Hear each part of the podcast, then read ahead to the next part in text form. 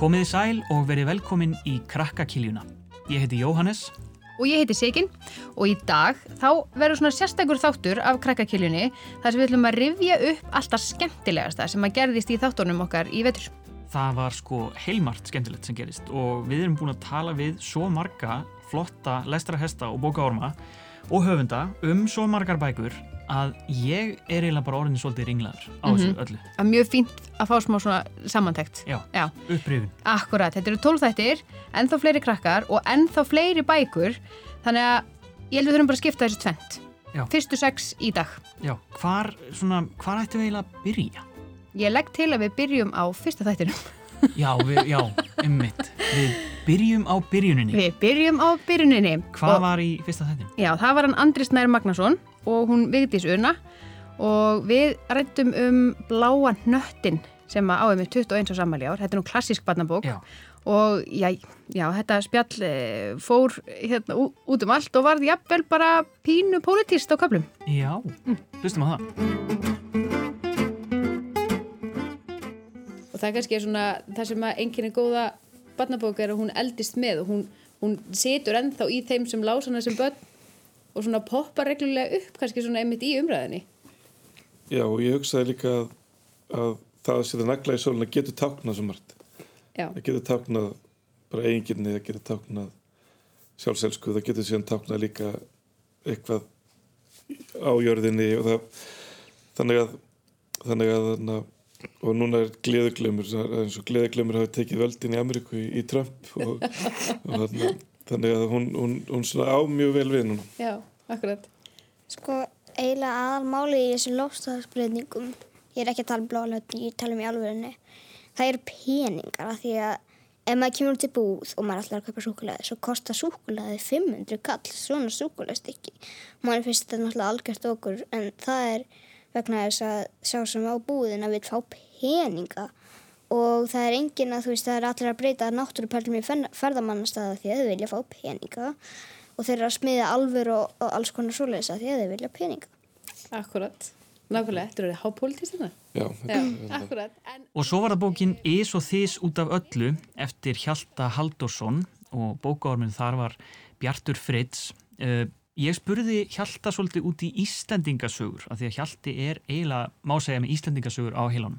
Já, hann er bara búin að gera nokkrar Já. sem eru byggðar á hérna, Íslandíkasögum og þessi saga er byggð á Lagstælu, Lagstælu. það ekki? Jú, Já, hann það. er búin að taka eigilsögu og einhverjum fleiri. Já. Skemmtilegt. Ég með eina, eina spurningu sem að, að því ég veit að þú ert uh, svolítið svona hrifin af Íslendingasögum Já, og þær eru oft innblásturinn að sögunum sem þú skrifar og þessi er svolítið innblásin af Íslendingasögu, ekki? Viltu segja frá því? já, já, gerðnan. Ég hérna, segðast að nota gerðnan Íslendingasögurnar sem eru eldgamlar sögur, þetta eru fornrit bara eh, hérna, skrifað á skinn hérna, fyrir uh, hundruðum ára uh, og það eru svo gamlar við vitum ekki einu sinni hver skrifað þær.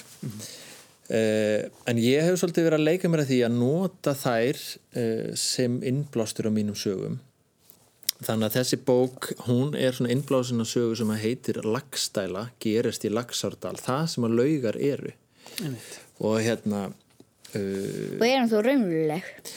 sko, það er þetta var frábær spurning uh, Íslendingasögurnar eru ekki sannar sögur en það þýðir það samt ekki að þær séu ósannar.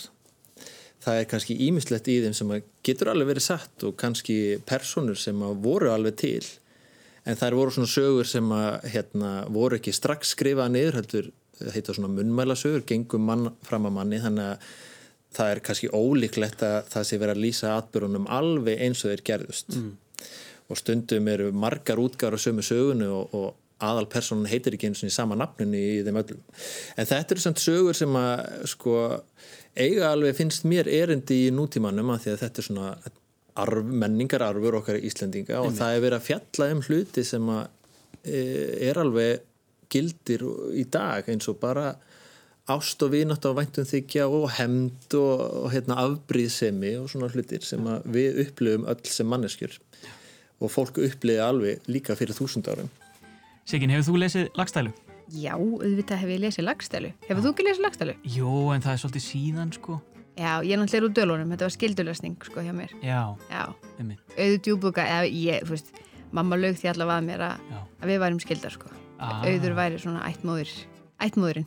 Ættmóðurinn, Já, ok, þannig að þú tengir alveg þarna beint Já, já, já, já. Já, Eð, það- já báðar ættir eru að reykja þangað sko. já, Já, já, akkurat aðalega gaman að þessu. Herðu, næsta skrá. Já, hvað næst? Guðni Líndal, uh, Benediktsson, hann kom í krakkakiluna til okkar og við nýttum tækifærið, heldur betur, af því að hann býr úti í Edinborg uh, og við rættum bara fullt, fullt af bókum Já, og það var hann Sölvi Þór, bókaormur, sem að tæklaði það með glans. En hérna, við ætlum að tala eins um hann að þrúði heldur betur og hérna, og það er nú bara svona heil bókaflokkur, þetta eru þrjár bækur um, um hana. Sölvi, hvað, hérna, hvað finnst þér um þessar bækur? Þa, það eru nú kannski aðeins fyrir yngri og ég veit ert yngri systur, þannig við fengum þig svona aðeins til að skoða þessar líka. Já, Hvað finnst þér um þær? þær eru bara mjög skemmtilegar sko. Já.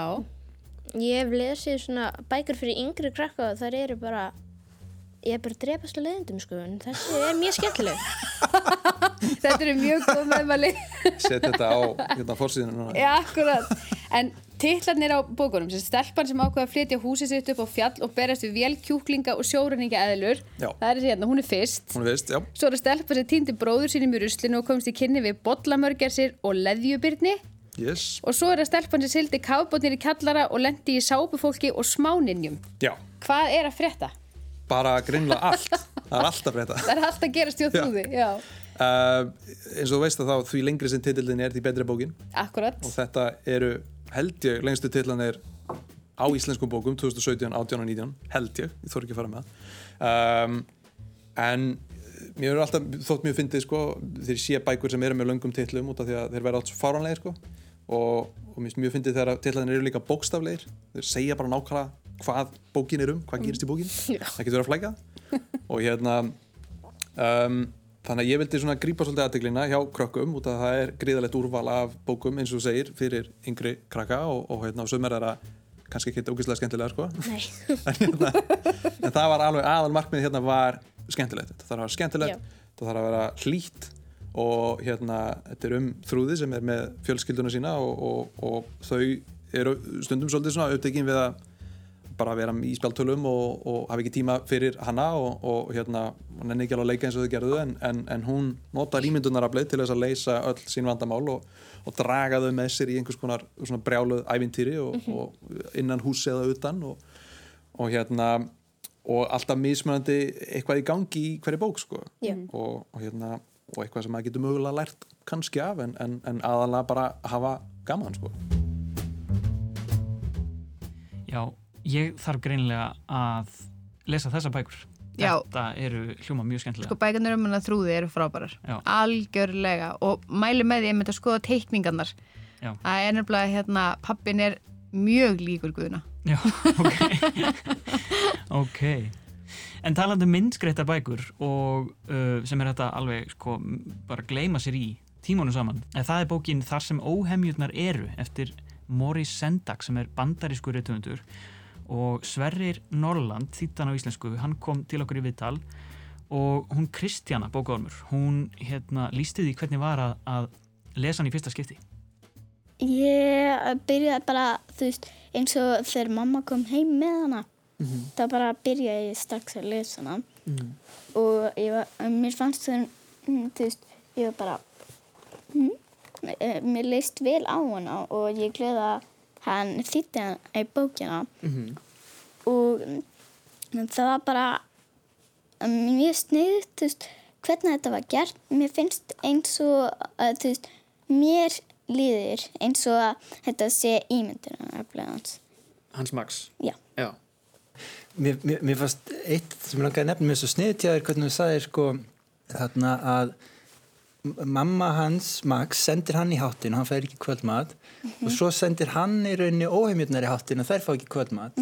Svo saknar hann mömmu sína að fyrir aftur heim. Og þá er svolítið eins og hann skilji kannski mömmu sína betur Þannig hann er að gera einmitt það sama og og, og þá kannski styrkist samband hans við mömmu sína eða pappa og, og, þarna, mér það alltaf fallit, ég hafði ekkert endilega hugsað þetta þannig. Já. mjög gáuleg aðtæðsend til þér en, en fyrir mig þá er þessi bók ég hef þekkt hana lengi, hún er þetta er einn þekktasta bandaríska barnabók 20. aldar. Já, og það var gerð rosa svona eða svona eftirminnileg bíómynd eftir henni fyrir daldi mörgum árum eða, daldi mörgum 10-15 árum sem er svona, sem er ekki eins góða bókin en, en, en endur vakti kannski svona aðeins áhugan á henni líka. Já, og það sem mér finnst eins og þú segir að þarna, mér finnst þessi saga svolítið svona lýsandi fyrir bara ímyndunaraflið hjá okkur. Hvernig þegar við lendum í einhverju og við erum reið, það er einhver búin að skamma okkur eða okkur líður eitthvað illa þá tökumst við oft á eða tilfinningarnar með ímyndunaraflinu. Við búum til einhverju sögur, við fáum útrás það getur verið listsköpun eða spila tónlist eða skemja sögur. Leikur. Eða bara leikur. Og allt sem við gerum sérstaklega svona listsköpun er í rauninni leikur. En leikurinn hefur svona praktist gildi Já, sem er að láta okkur líða betur Þar sem óhemjöðan eru, þetta er frábær bók, svona, svona sígild. Algjörlega. Hún er, hvað, 60 eitthvað ára? Já, indislegur heimur sem er alveg, alveg hægt að týna sér í. En n- næsta bók er Blokkin á heimsenda eftir Ardísi Þórarinsdóttur og Huldu Bjarnadóttur og það er nú kannski svona öðruvísi heimur svolítið og hérna það var bókaormurinn hún Móei sem að fekk það hlutverk að lesa þessa bók og það var hún Ardísi sem að kíkti í krakkakiljuna að þessu sinni. Óvenjuleg, Þa, það er mjög gott orð. Það er strax orðið svona, herðu, ég, ég þarf að lesa þessa bók. Hvernig óvenjuleg? Sko, bara, þetta er svona hugmyndir að þessar bók svona, og hvað gerir svona, að því að stundu þurfa að lesa með bækur og maður bara svona, já það er svona eins og maður hafi lesið þessa bók áður. En til mér þessa bók, þetta er bara svona eitthvað sem er 100% alveg eitthvað svona nýtt sem ég aldrei skilur svona, já, svona lesið neitt svona eins og áður. Þetta er frábær dómur. Viltu segja okkur aðeins um hvað hún er? Um, já, hún er sko um stelpu sem á ömmu sem býr á svona eigi sem ekki er í burtu og en stelpun hefur aldrei farið á eigina og síðan þegar þarna amman þarna fyrir gefs og eitthvað þá, þá ákveð fjölskyldan að fara á eigina í heimsók og þú fyrir eigina þá er allir rosalega skrýtnir á eiginni og það eru það er bara, og það búa allir í einni blokk og það gerast mjög skrýtnir. Já, og hún, e, dröfn, aðalpersonu, hún hefur aldrei komið að hana áður. Nei, Þannig að hún veit ekkert á hverju hún er von. Og það er svolítið skemmtilegt. já Já, Ég held að húmórin hefði aldrei verið vandamál. Stundum var, það var frekar að við hérna, værum að benda hver annari á eitthvað með þráðin, eitthvað svona, heyrðu, ég held við getum ekki gert þetta svona, við verðum að segja þetta á undan og já, ertu viss um það. Og eins og til dæmis fyrsti kaplinn, við byrjuðum á, uh, Hulda byrjaði að prófa hana á stelpunum sínum, já. bókina, og það er duttu út í fyrsta kaplanum það nefndi ekki að hlusta á bókina og við bara, við erum búin að skrifa heila bók og þetta eru börnið þín og það nefnir þess ekki hvað er að gera? Þetta er allt ónýtt Og hvað gerir maður þá? Nú þá erum við að skrifa fyrsta kaplan aftur Já. það. Já, það er örgulega svolítið áhugavert að skrifa svona bók saman, heldur ekki? Ég held að segja svolítið erfitt. Ef að einn, ein, sko, er frekur, hann skrifi þá meira heldur en hinn.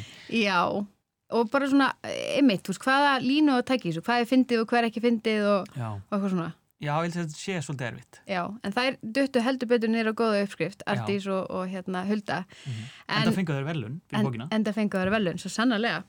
En e, það komið til okkar bræður. Þeir eru nú ekki að skrifa mikið saman, en þeir skrifa mikið um það sama. Þeir skrifa mikið af e, hryllingssögum. Þeir eru svona í sitt kóru hotninu að skrifa svipaðar sögur. Akkurat, hryllingssögur fyrir börn og úlinga. Já. Og þetta- Og fullorðna, sko. Og fullorðna, já ég bara, ég höndlund ekki, ég er algjör gunga.